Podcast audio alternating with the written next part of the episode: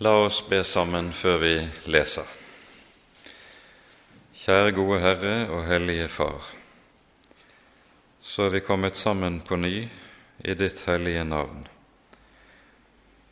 Og vi kaller, Herre, på deg, at du vil komme til oss med din hellige ånd, at du vil la oss få ha lys i dine ord, så vi kan forstå ordet ditt rett og da også få lov til å kjenne deg rett. Fri oss, Herre, og frels oss fra våre egne tanker, og før oss inn i dine tanker, at vi kan få ferdes på dine veier. Amen.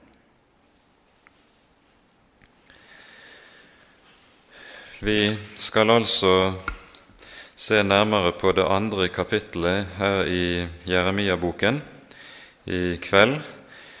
Um, og dette er antagelig da også en tale som profeten har holdt relativt snart etter sin kallelse til profet.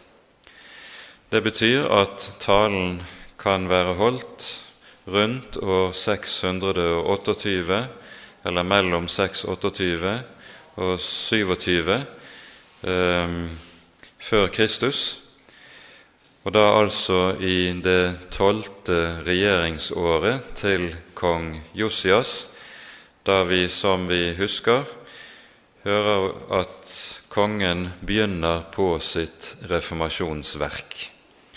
Et reformasjonsverk som når sitt høydepunkt i hans 18. regjeringsår, og man har da ment at de første kapitlene i Jeremia-boken har vært talt i de første seks årene av kong Josias regjering. Det vil altså også si før de årene begynner da profetens lidelsestid også begynner. Kapittel 2 er jo relativt langt, 37 vers består det av men jeg tror vi skal ta oss tid til å lese kapittelet i sin sammenheng nå innledningsvis. Herrens ord kom til meg, og det lød så. Gå av sted og rop ut for Jerusalems ører og si:" Så sier Herren, jeg minnes din ungdoms hengivenhet dine forlovelsesdagers kjærlighet, hvordan du fulgte meg i ørkenen, i et land hvor ingen sår. Hellig var Israel for Herren, hans første grøde. Alle som ville fortære ham, måtte bøte. Ulykke kom over dem, sier Herren. Hør Herrens ord, Jakobs hus, og alle etter av Israels hus. Så sier Herren, hva urett har deres fedre funnet hos meg, siden de gikk langt bort fra meg og fulgte de tomme guder og ble selv tomme? De sa ikke, Hvor er Herren, som førte oss opp fra landet Egypt, som ledet oss i ørkenen i et land med ødemarker, fullt av kløfter, et land med tørke og dødsskygge, et land der ingen mann ferdes og ikke noe menneske har bodd. Og jeg førte dere inn i et land med fruktbare marker, så dere fikk ete av dets frukt og dets gode ting. Men da dere kom inn, gjorde dere mitt land urent og min arv til en motbydelighet. Prestene sa ikke:" Hvor er Herren? De som syslet med loven, kjente meg ikke. Hyrdene falt fra meg, profetene spådde ved Baal og fulgte dem som ikke kan hjelpe. Derfor fortsetter jeg å gå i rette med dere, sier Herren. Ja, med deres barnebarn vil jeg gå i rette. Dra over til kiteernes øer og se. Send bud til Kedar og gi nøye akt, se om noe slikt har hendt. Har vel et hedningefolk byttet bort sine guder, enda de ikke er guder? Men mitt folk har byttet sin ære mot det som ikke kan hjelpe. Bli forferdet, dere himler, over dette. Skjelv av skrekk, sier Herren. For to onde ting har mitt folk gjort. Meg har de forlatt, kilden med det levende vann, og de har hogget seg ut brønner, sprukne brønner som ikke holder vann. Er Israel en trell? Er han født som en trell? Hvorfor er han da blitt røvet? Unge løver brølte mot ham. De lot sin røst høre, og de gjorde hans land til en ørken. Hans byer ble brent ned, så ingen bor i dem. Også Memphis og Tarpenes barn gjorde ditt hode skallet. Har du ikke gjort deg selv alt dette fordi du forlot Herren din Gud den tid Han ville lede deg på veien? Og nå, hvorfor tar du veien til Egypt for å drikke Sikors vann? Og hvorfor tar du veien til Asyria for å drikke elvens vann? Din egen ondskap tukter deg, og ditt frafall straffer deg.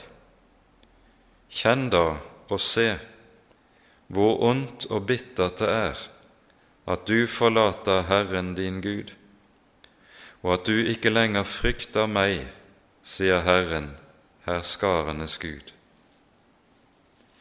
Fra gammel tid brøt du ditt åk og rev i stykker dine bånd. Du sa, Jeg vil ikke tjene. Men på hver høy bakke og under hvert grønt tre la du deg ned og drev hor. Jeg hadde plantet deg som et edelt vintre, helt igjennom av ekte sæd. Hvordan er du da blitt omskapt for meg til et uekte, til et vilt vintre? Om du så ville rense deg med pottaske og bruke mye lut, så skulle likevel din misgjerning være skitten for mitt åsyn, sier Herren, Herren. Hvordan kan du si, Jeg er ikke blitt uren, jeg har ikke gått etter balene? Se på din vei i dalen, forstå hva du har gjort, du lette kamelhoppe som løper hit og dit. Lik et villesel som er vant til ørkenen, snapper hun etter været i sin sjels begjær. Hvem kan dempe hennes brunst? Alle de som søker henne, slipper å løpe seg trett. I hennes måned finner de henne. La ikke din fot bli bar og din strupe tørst. Men du sier, det nytter ikke, nei, jeg elsker fremmede, etter dem vil jeg gå. Like som en tyv må skamme seg når han blir grepet, slik må Israels hus skamme seg, de selv, deres konger, deres høvdinger, deres prester og deres profeter. For de sier til treet, Du er min far, og til steinen, Du har født meg. De har vendt ryggen til meg og ikke ansiktet. Men når ulykken kommer, sier de, reis deg og hjelp oss. Hvor er da dine guder som du laget deg? La dem reise seg, om de kan hjelpe deg når ulykken kommer.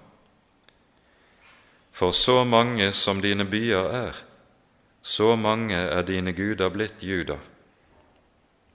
Hvorfor tretter dere med meg?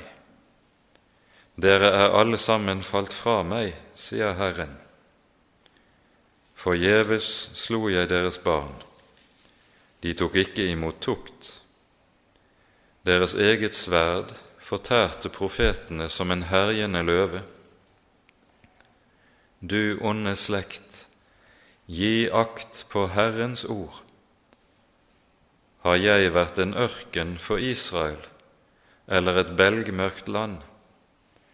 Hvorfor sier mitt folk da, vi går hvor vi vil, vi vil ikke lenger komme til deg? Mann en jomfru glemmer sitt smykke, en brud sitt belte, men mitt folk har glemt meg i dager uten tall hvor dyktig du styrer din vei til elskov. Slik har du også lært dårlige kvinner dine veier. Blod av fattige sjeler er funnet på kappeflikene dine. Du grep dem ikke i innbrudd, men til tross for alt dette sier du likevel, Jeg er uskyldig, hans vrede har visselig vendt seg fra meg. Se, jeg vil gå i rette med deg fordi du sier, Jeg har ikke syndet. Hvorfor farer du så meget omkring og skifter din vei? Også ved Egypt skal du bli til skamme, slik du ble til skamme ved Asyria. Også derfra skal du gå ut med hendene på hodet. For Herren har forkastet dem du setter din lit til og du skal ikke ha noen lykke med dem. Amen.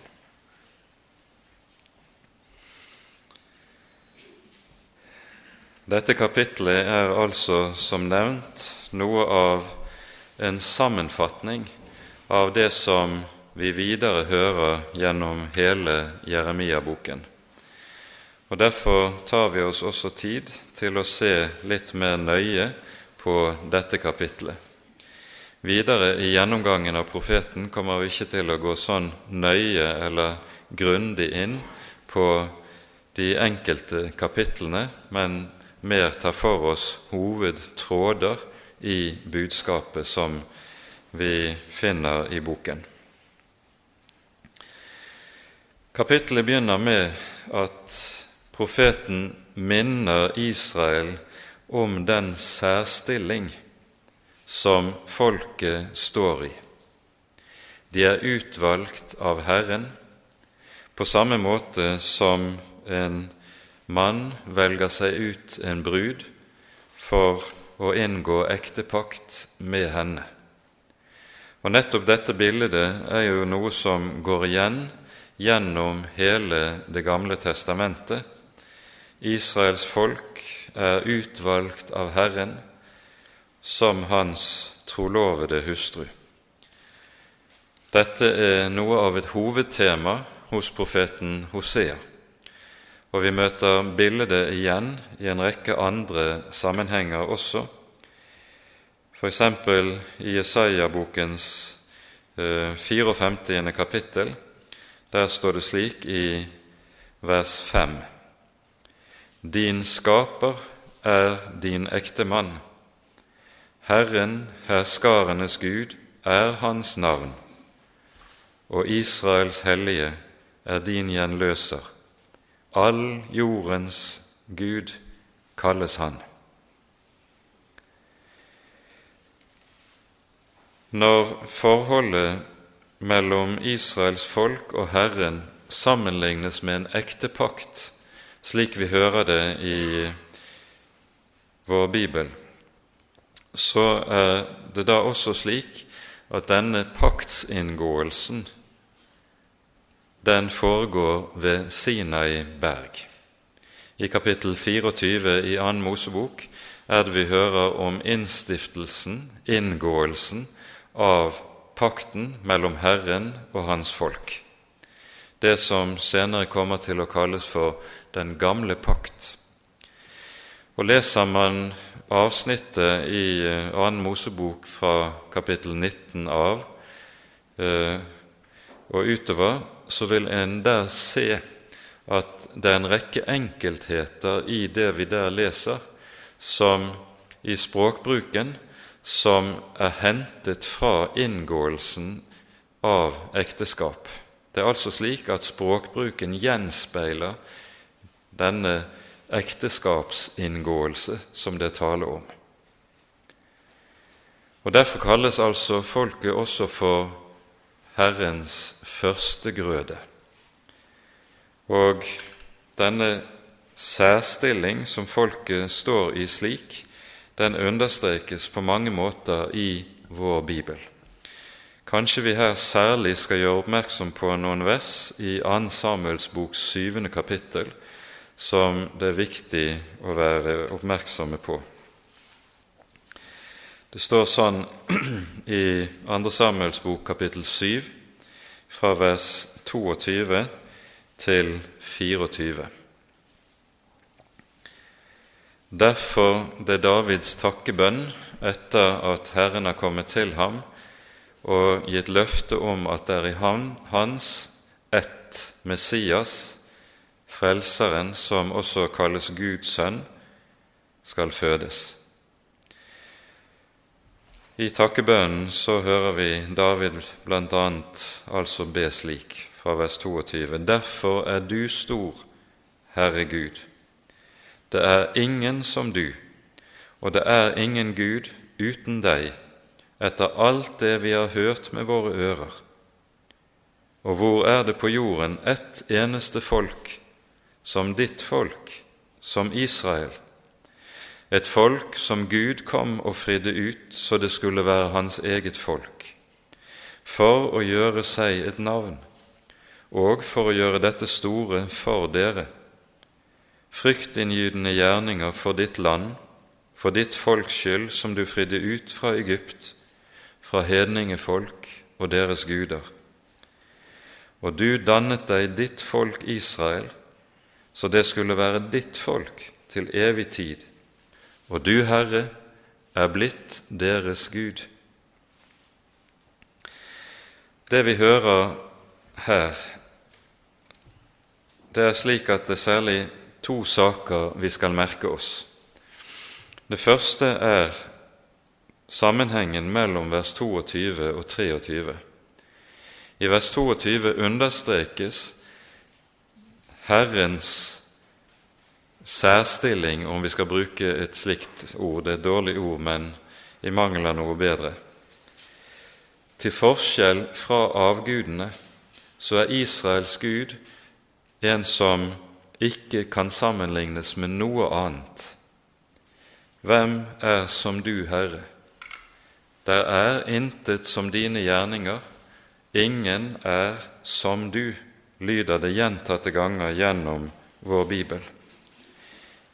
Avgudene, de er ikke som Israels hellige. Og nå er det da også slik at det som gjelder Herren, det kommer også til å gjelde Hans folk. Det at Herren er den helt annerledes, det innebærer at Hans folk også kommer til å skille seg fra alle andre folk og bli det annerledes folket. Og Derfor sies det sånn som vi hører det i vers 23.: Hvor er det på jorden ett eneste folk som ditt folk? Det er det annerledes folket. For det andre så skal vi legge merke til to ulike ord som anvendes om Herrens måte å stelle med dette folket på. Det første er at det taler om hvorledes Herren tar seg ut et folk for sitt navn. Han frir dem ut, han skaper dem ved i og med utfrielsen av Egypt. Men så kommer i vers 24 verbet 'å danne'. Du dannet deg ditt folk. I dette ligger det at Herren ikke bare så å si er den som er aktiv ved folkets fødsel og tilblivelse, men han er en Gud som fortsetter å arbeide med folket, danne og forme det, for at de skal bli det hellige folket.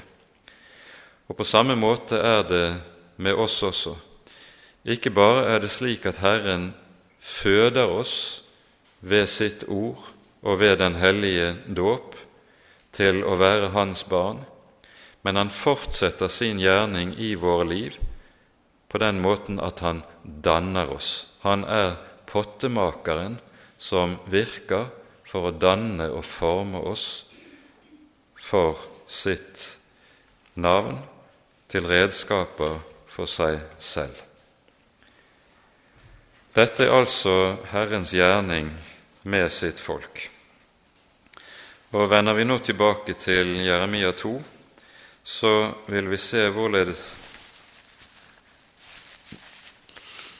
det ikke bare tales om hvordan Herren har tatt seg ut dette folk, men hvordan Han også våker over dem, tar seg av dem, beskytter dem og verner om dem.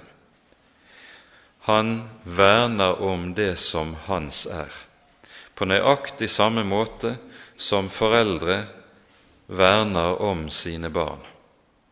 Det mest verdifulle vi eier, det er barna våre. Og Derfor er det ingenting vi heller søker å passe så godt på, passe så nøye på, som nettopp våre barn. Slik, på samme måte, er det Herren også tar seg av og verner om sitt folk, slik vi hører det i det tredje verset.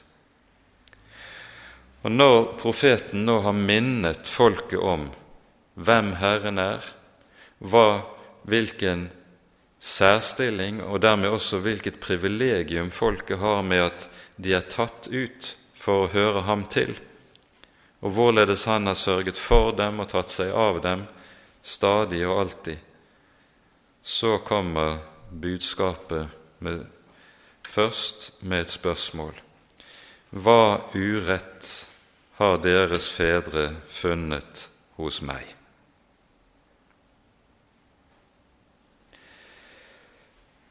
Det som alltid ligger til grunn for frafall. For det er jo det det dreier seg om her. Profeten tar for seg Israels frafall fra Herren. Og den synd som omtales i kapittel 1, senere gjennom profetens skrift, hører vi profeten setter fingeren på mange forskjellige slags synder i folket. Men den synd som det tales om her i kapittel 2, er kun synden mot det første bud, nemlig frafallets synd.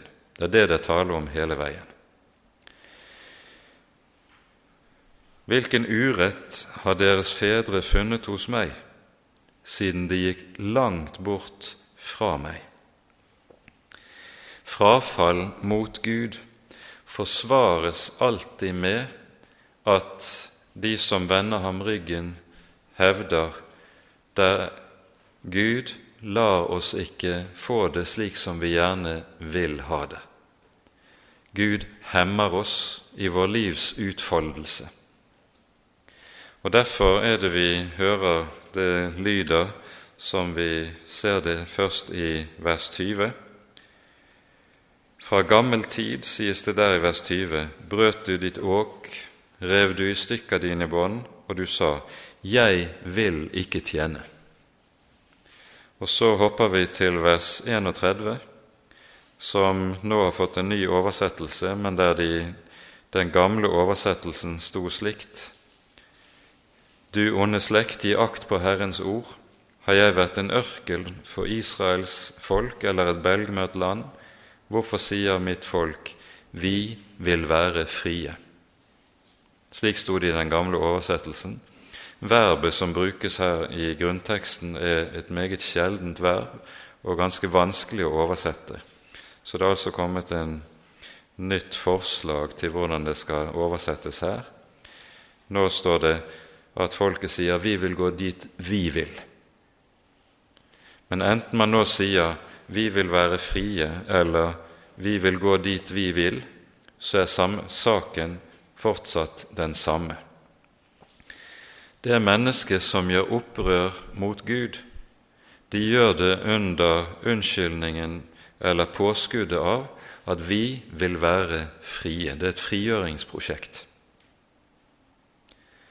Og Dermed så ser vi at vi her står overfor noe allerede på Jeremias tid som er ganske likt hva vi ser i våre egne dager, hvor menneskene taler på nøyaktig samme vis. De mener at Gud er en Gud som hemmer oss i vår livsutfoldelse, og følgelig skal vi være riktig frie, så må vi si oss løs fra Herren Gud. Og så er det Herren altså stiller dette spørsmålet. Har jeg gjort dere urett? Har jeg vært mørke for dere? Og så må han minne om sine velgjerninger. Var det ikke jeg som fridde dere ut fra Egypt? Var det en ugjerning? Var det ikke jeg som bar dere gjennom ødemarken slik en far bærer sitt barn på armen slik hører vi det sies i Femte Mosebok. Hvilken urett var det i det? Er det ikke jeg som har gitt dere et land som drypper av melk og honning? Hvilken urett er det i det? Er det ikke jeg som har gitt dere daglig brød, holdt dere oppe dag for dag, bevart dere for alt ondt, vært et skjold mot fienden? Hvilken urett har det vært i det? Hvorfor sier mitt folk, vi vil være fri? Det er dette som profeten bærer frem for folket. Og når det sies slik som vi hører det her i vers 5, hva urett har deres fedre funnet hos meg? Han sier altså ikke hva urett har dere funnet hos meg? Så pekes det med dette på at det frafall som gjør seg gjeldende i folket, og som på Jeremias tid er blitt meget, meget dypt, det er et frafall som også har dype røtter langt tilbake i Israels historie. Her skal vi kanskje minne om ordene i Dommerbokens annet kapittel vemodige ord som dessverre ser ut til å bekreftes på ny og på ny oppover gjennom også Kirkens historie. I Dommerboken kapittel 2 så hører vi om eh, Josvas død og den generasjon som var samtidig med Josva. Det var de som hadde var representerte avslutningen på ørkenvandringen, fikk innta det lovede land og hadde sett Herrens velgjerninger. Så står det sånn i Dommerboken kapittel 2 fra vers 6. Da Josva hadde latt folket fare, og Israels barn var dratt hver til sin arveldel for å ta landet i eie. Da tjente folket Herren så lenge Josva levet, og så lenge alle de eldste levde, de som overlevet Josva og hadde sett alle de store gjerninger som Herren hadde gjort for Israel. Men så døde Josva Nuns sønn, Herrens tjener. Han var da 110 år gammel og de begravet ham på hans arvedelsgrunn i Timnat Heres i Efraimfjellene, nord for Gaash-fjellet. Så ble hele dette slektsledd samlet til sine fedre, og etter dem vokste der opp en annen slekt, som ikke kjente Herren, og heller ikke de gjerninger han hadde gjort for Israel. Da gjorde Israels barn det som var ondt i Herrens øyne og dyrket baalene.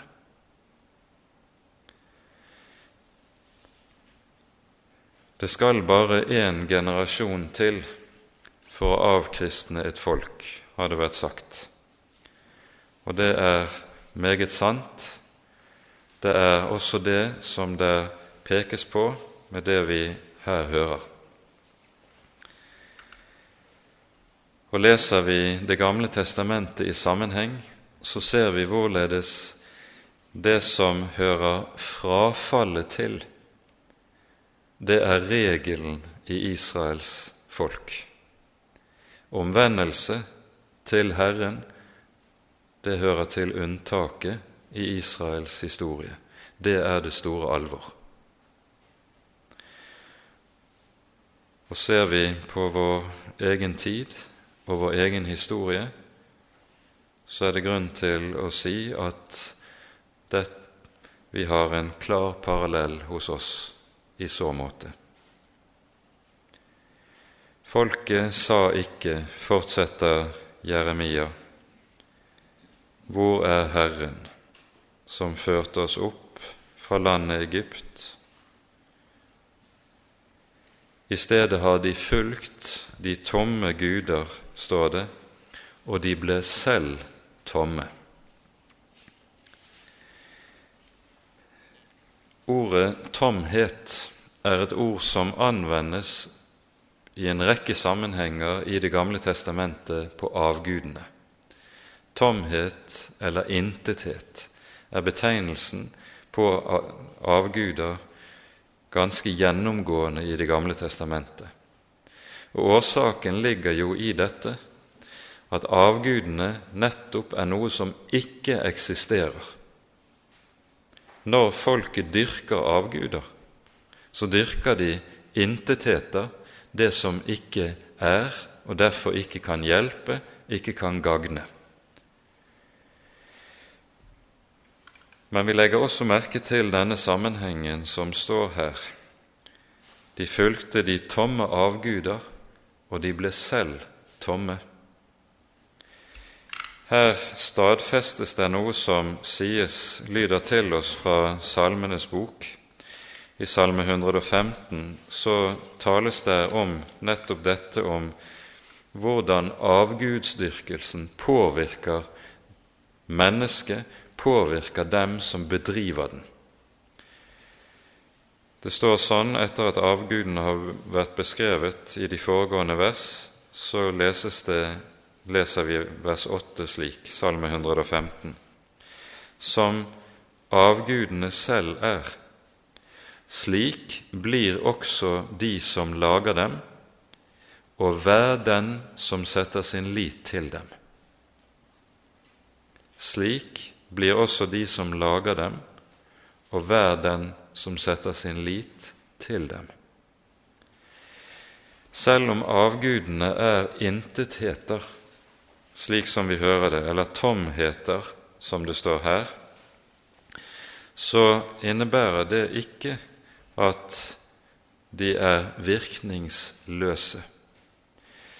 Bibelen lærer oss med tydelige ord at bak det som hedningene kaller for avguder, står onde åndsmakter. Og Derfor er det også ond åndsmakt i hedenskapet. Paulus sier samme sak i 1. Korinterbrevs 10. kapittel, der han går inn på dette mer grundig og peker på at bak avgudsdyrkelsen står onde ånder eller demoner. Det er det farlige med dem, for det innebærer også at det å gi seg hen i avgudsdyrkelsen, det er å kunne å komme inn under ånde ånders innflytelse. Og Derfor er det åndsmakt i avgudsdyrkelsen, åndsmakt som altså innvirker på mennesket. De dyrker tomhetene, og de blir selv tomme.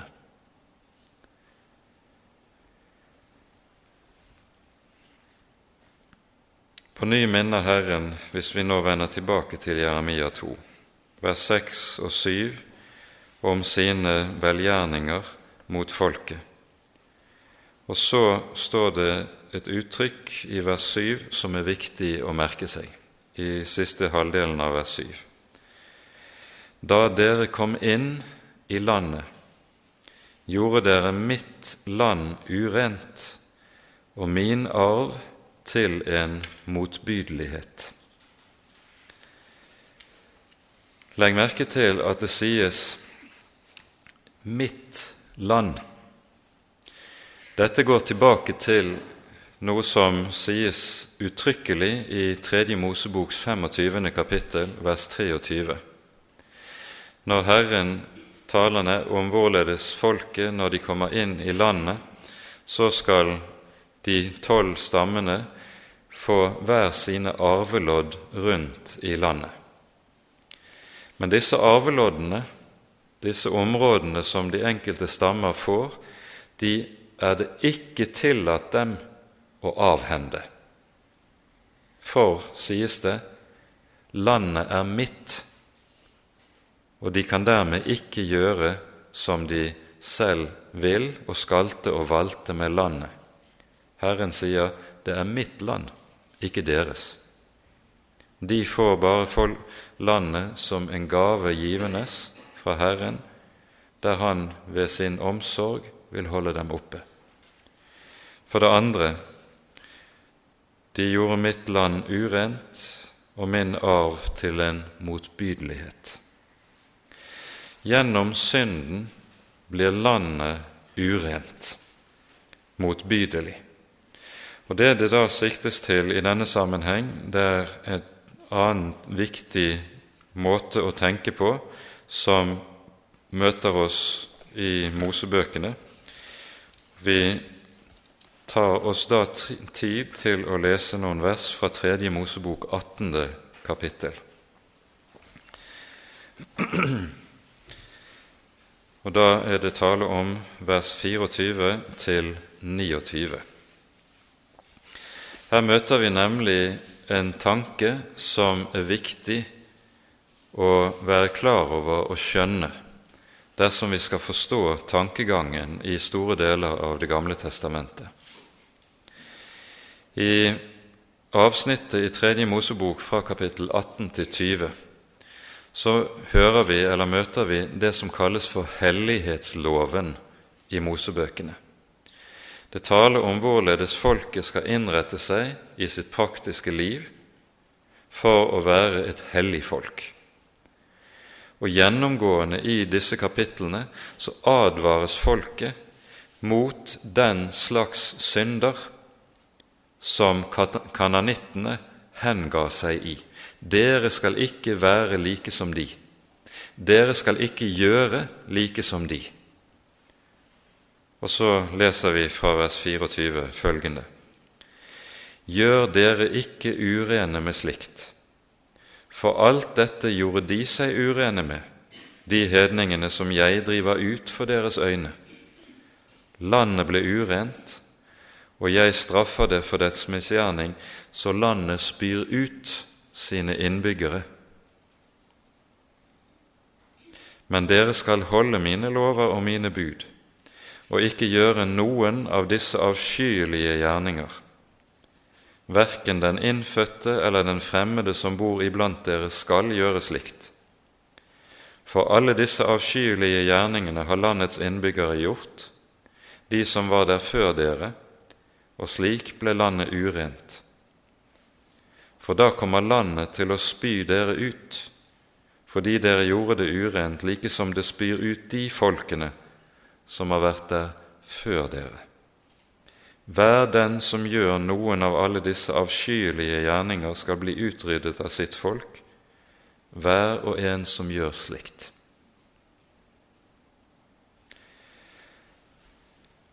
Vi skjønner tankegangen i dette og i parentes kan vi her føye inn at vi forstår av dette også at når Israel blir gitt det lovede land, inntar landet slik vi hører om det i Josva-boken, så er denne inntagelse av landet samtidig en Guds dom over kananittene og det forferdelige hedenskap som gjorde seg gjeldende blant kananittene.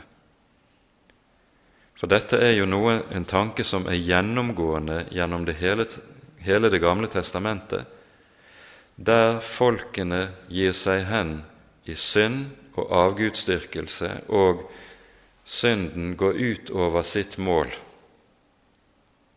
Der griper Herren alltid inn til dom. Dette er et veldig viktig perspektiv på inntagelsen av landet som vi finner i vår bibel, og vi merker oss det i denne sammenheng. Men det er altså denne tankegang som ligger bak det som her sies i vers 7 i kapittel 2 hos Jeremia. Så følger det som vi hører i vers 8. Prestene sa ikke, Hvor er Herren? De som syslet med loven, de kjente meg ikke. Hyrdene falt fra meg, profetene spådde ved Baal og fulgte dem som ikke kan hjelpe. Her nevnes fire klasser av lederskap i folket. Prestene, de skriftlærde, hyrdene, som altså er de politiske ledere som hadde til oppgave å sørge for å holde den ytre avgudsdyrkelse unna, og til sist profetene.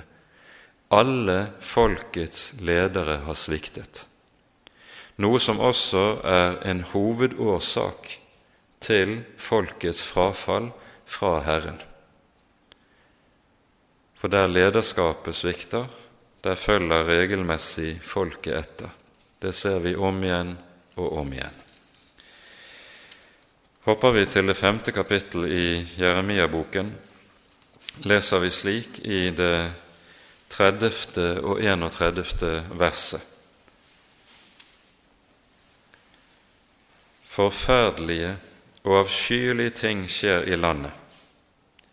Profetene profeterer løgn, prestene styrer etter deres råd, og mitt folk vil gjerne ha det slik. For når profetene profeterer løgn, når prestene styrer etter deres råd, da har det sin ganske bestemte grunn. Profetene legger opp sitt budskap etter hva folket liker å høre. Dette kommer vi til å komme tilbake til. Vi kommer til å vie en av timene om Jeremia-boken nettopp til de falske profeter og deres rolle i denne tiden. Så vi kommer tilbake til dette. Men prestene sier altså ikke 'Hvor er Herren?'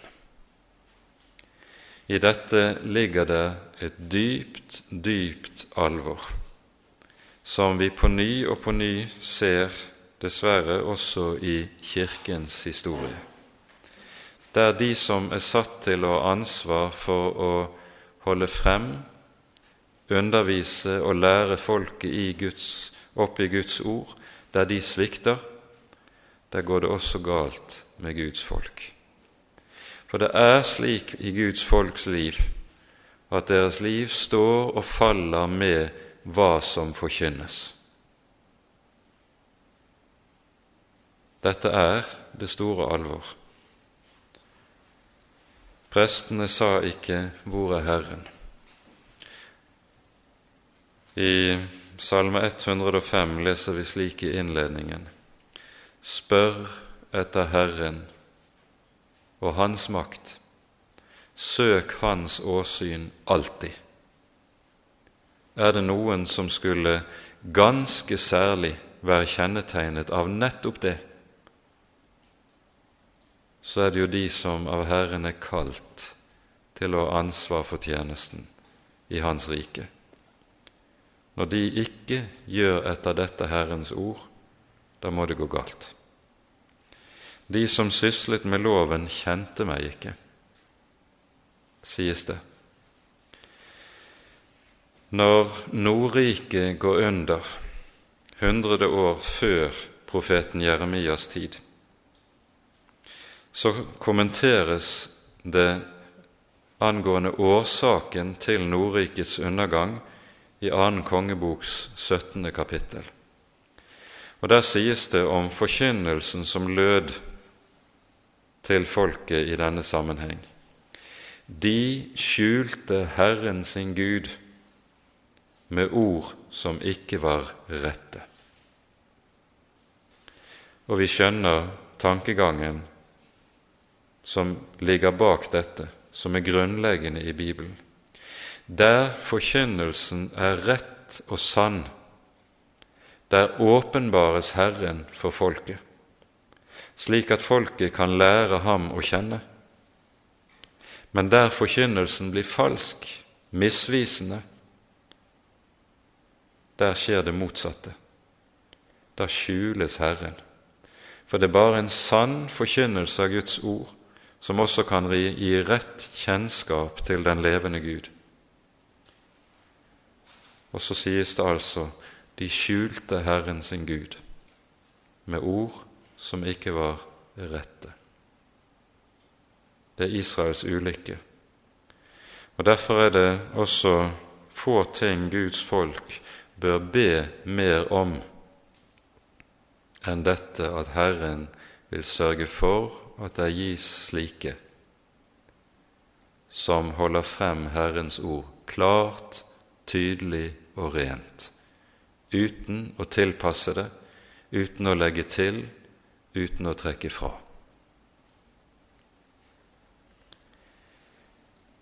Derfor fortsetter jeg å gå i rette med dere. Og så kommer dette som er paradokset og det forunderlige som vi møter i fortsettelsen.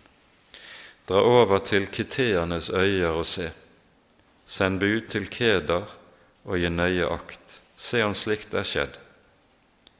Har vel et hedningefolk byttet bort sine guder, enda de ikke er guder? Men mitt folk har byttet bort sin ære mot det som ikke kan hjelpe. Kiteernes øyer, det er de greske øyer. Kanskje særlig Kreta og Kypros, men også øyriket som greske folkes, de greske folkeslag holdt til i. Det er altså mot vest. Keda og Kedas telt er mot øst, og det taler om Arabia og områdene øst for det som er Israels land.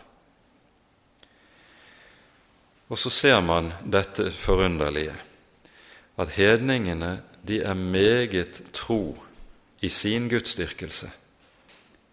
De svikter ikke sine guder. De holder fast på gudene sine med stor troskap og ofte med stor lidenskap og nidkjærhet.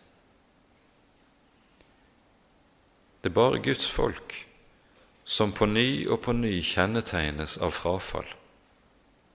Det gjelder Israel i Det gamle testamentet, det gjelder Kirken i Det nye testamentets tid. Hvorfor er det slik? Hva er det som gjør at dette er et faktisk historisk forhold? Jo, det henger jo sammen med dette grunnleggende at avgudene lar et menneske få lov til å leve slik som det selv vil. Avgudene går ikke på tvers av det gamle mennesket.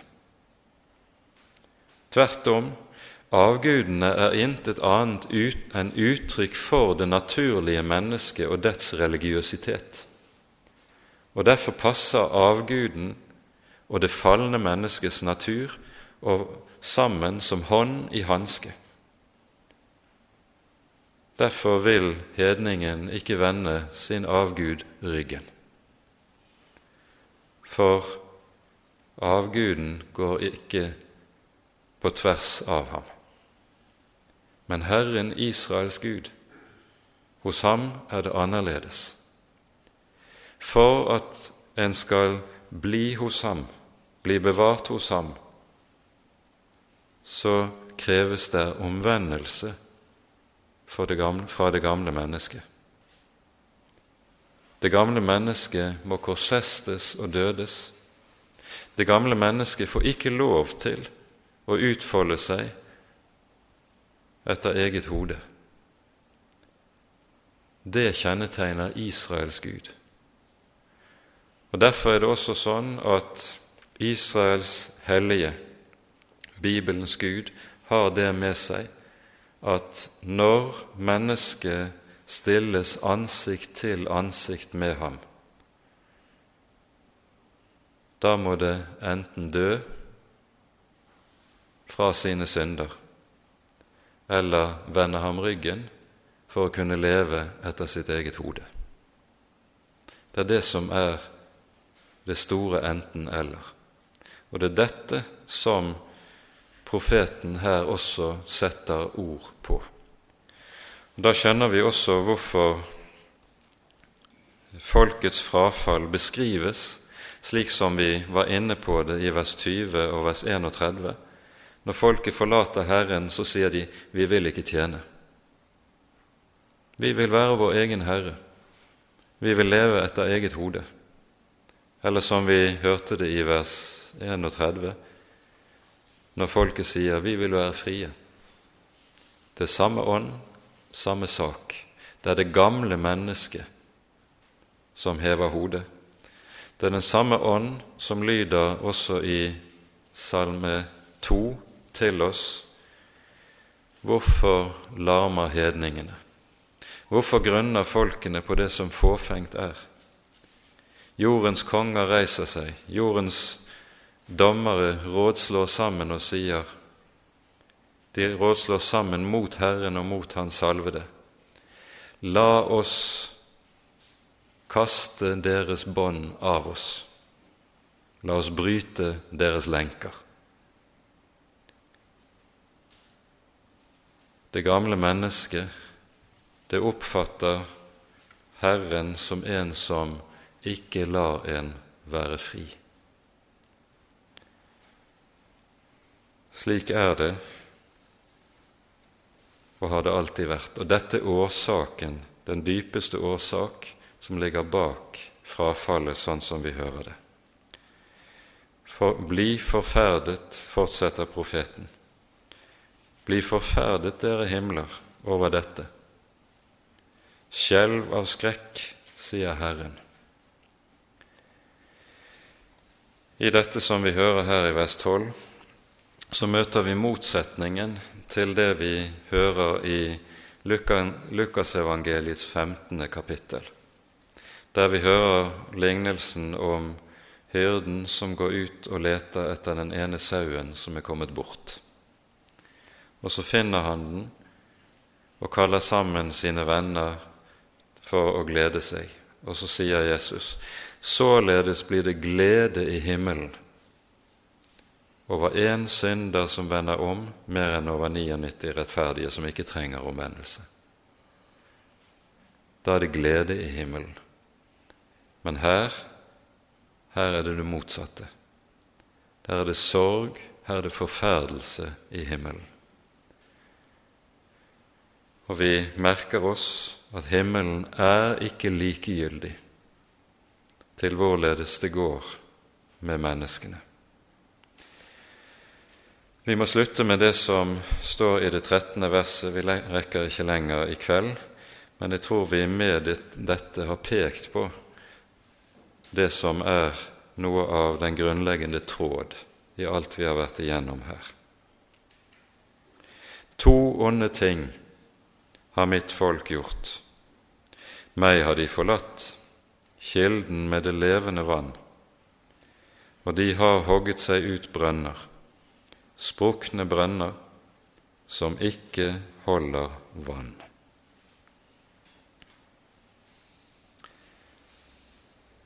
Hva er det det pekes på her? Det det pekes på, er at der mennesket vender Herren sin Gud ryggen, der vil det med nødvendighet alltid være slik at det tyr til ulike typer surrogater som skal fylle tomrommet etter Gud. Disse surrogatene kan ofte i større eller mindre utstrekning ligne på det opprinnelige. I det er det vi finner alle de åndelige forfalskninger som verden er så full av. Og disse forfalskningene de kan så altfor ofte fungere overfor menneskene som noe som bedrar dem, fungerer slik at menneskene lar seg lure til å tenke at her, her er det vi finner sannheten. Det er ikke gull alt som glimrer, heller ikke på det åndelige området. Men dette er det sørgelige som er menneskets vei stadig gjennom historien. To onde ting har mitt folk gjort. Meg har de forlatt, kilden med det levende vann.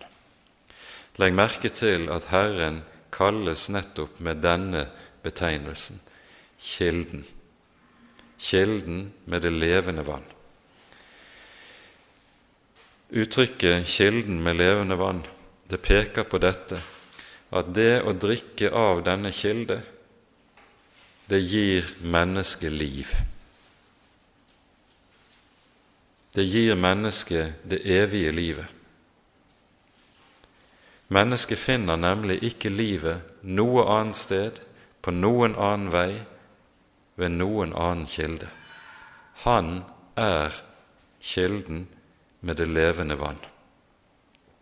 Kilden med det levende vann ligger ikke i menneskets eget hjerte, slik som svært mye av f.eks. moderne religiøsitet vil hevde New Age-religiøsiteten har dette som sitt, sin devise. Kilden ligger i menneskets indre, får vi vite. Nei, det gjør den ikke. Kilden ligger utenfor oss, i den levende Gud. Og så leser vi i Salme 36.: Hos deg er livets kilde. I ditt lys ser vi lys. Dette er en kilde som aldri går tom, som alltid er like frisk, og som har det med seg som vi leser om kilden, den samme kilde, hos profeten Zakaria i det 13. kapittel. Der står det men for Judas menn og Jerusalems innbyggere skal der være en åpnet kilde mot all synd og urenhet. Mennesket kan ikke rense seg selv fra sin synd, slik som det også understrekes med stor styrke lenger ute i kapitlet, Om man anvender de sterkeste rengjøringsmidler, åndelig talt, mennesket vil aldri selv kunne rense seg fra sin skam. Renheten ligger ene og alene her i denne kilde, som er kilden med det levende vann. Sisternene som det taler om, de sprukne brønner som ikke holder vann, det er alle de surrogater som menneskene stadig trakter etter, søker etter og prøver å erstatte Gud med. Den aller tristeste surrogatet er jo det vi finner innenfor kristenheten der mennesket erstatter troen på Jesu fullbyrdede frelsesverk med troen på at en ved hjelp av egne gjerninger på en eller annen måte kan bidra til sin frelse. Hva har vi ikke fått malt for våre øyne når Jesus er blitt gitt for våre synder? Når vi har fått hørt evangeliet om at denne frelse, den er tilstrekkelig til både å leve og til å dø på, til å møte den levende Gud, renset og fridd fra alt som heter synd. Hva eier vi ikke i evangeliet? Og hvor lett vender ikke menneskene seg fra dette, fordi en har den stadige trang til heller å tro på seg selv, sin egen innsats og det som jeg måtte ha å komme med. Om igjen og om igjen i kristenheten gjør dette seg gjeldende, troen på egen gjerning. Det er surrogatene som melder seg. Et par ord til sist om den avgudsdyrkelse som Israel har vent seg til som surrogat. Det nevnes på denne måten i vers 20. Fra gammel tid brøt du ditt åk, rev du i stykker dine bånd, og du sa:" jeg vil ikke tjene, men på hver høy bakke og under hvert grønt tre la du deg ned og drev hor. Det som profeten her eh, nevner og er inne på, det er den Baals- og Astarte-dyrkelse som representerte den stadige åndelige fare for Israels folk gjennom den gammeltestamentlige perioden fra Moses frem til fangenskapet i Babylon. Etter fangenskapet er dette ingen reell åndelig fare for folket lenger. Men Baals- og Astarte-dyrkelsen betegnes altså på denne måten som vi hører det her. På hver høy bakke og under hvert grønt tre la du deg ned og drev hor. Årsaken til at denne gudsdyrkelse benevnes på denne måte, er for det første altrene som ble reist for Baal og Astarte, de ble gjerne reist på høyder eller bakketopper. Og man foretrakk da gjerne slike steder hvor det også fantes et særlig høyt og grønt tre som symboliserte fruktbarhet. For dette var jo fruktbarhetsdyrkelse. Det vil si en kultus, en gudsdyrkelse, der seksuelle utskeielser gikk i svang, var en del av gudsdyrkelsen. På hver høy bakke og under hvert grønt tre la du deg ned og drev hor. Det er ikke tilfeldig at avgudsdyrkelsen benevnes nettopp slik, nemlig som å drive hor. Det kalles for å drive hor fordi, som vi hørte innledningsvis, når Herren har tatt Israel til sitt folk, tatt dem inn i pakten, så er dette en ekte pakt. Å gi seg hen i avgudsdyrkelse, dermed åndelig ekteskapsbrudd, det er å drive hor. Men når denne betegnelsen hor brukes, så henger det jo også sammen med at med avgudsdyrkelsen og til avgudsdyrkelsen hadde alltid vært knyttet seksuell løsaktighet. De tingene har alltid hengt sammen. Og ofte er det slik at når mennesker vender den levende Gud ryggen, så er det nettopp med den motivasjon at en ønsker å utfolde seg som en selv ønsker og etter sine lyster på dette området som har med det seksuelle å gjøre. Derfor vil avgudsdyrkelsen regelmessig være knyttet sammen med brudd på det sjette bud. Dette ser vi også hyppig gjennom store deler av Den hellige Skrift. Og Derfor er dette altså er avgudsdyrkelsen benevnt på denne måten som vi hører det i vers 20, og slik omtales den meget ofte gjennom hele Det gamle testamentet. Så dette er en gammeltestamentlig uttrykksmåte som er viktig å være oppmerksom på. Men dette hører altså med til surrogatene, de sprukne brønnene som ikke kan gi liv. For livet er å finne ene og alene hos Ham som er kilden med det levende vann. Og med det tror jeg vi må sette punktum for kveldens bibeltime. Ære være Faderen og Sønnen og Den hellige ånd, som var og er og være skal, en sann Gud, høylovet i evighet. Amen.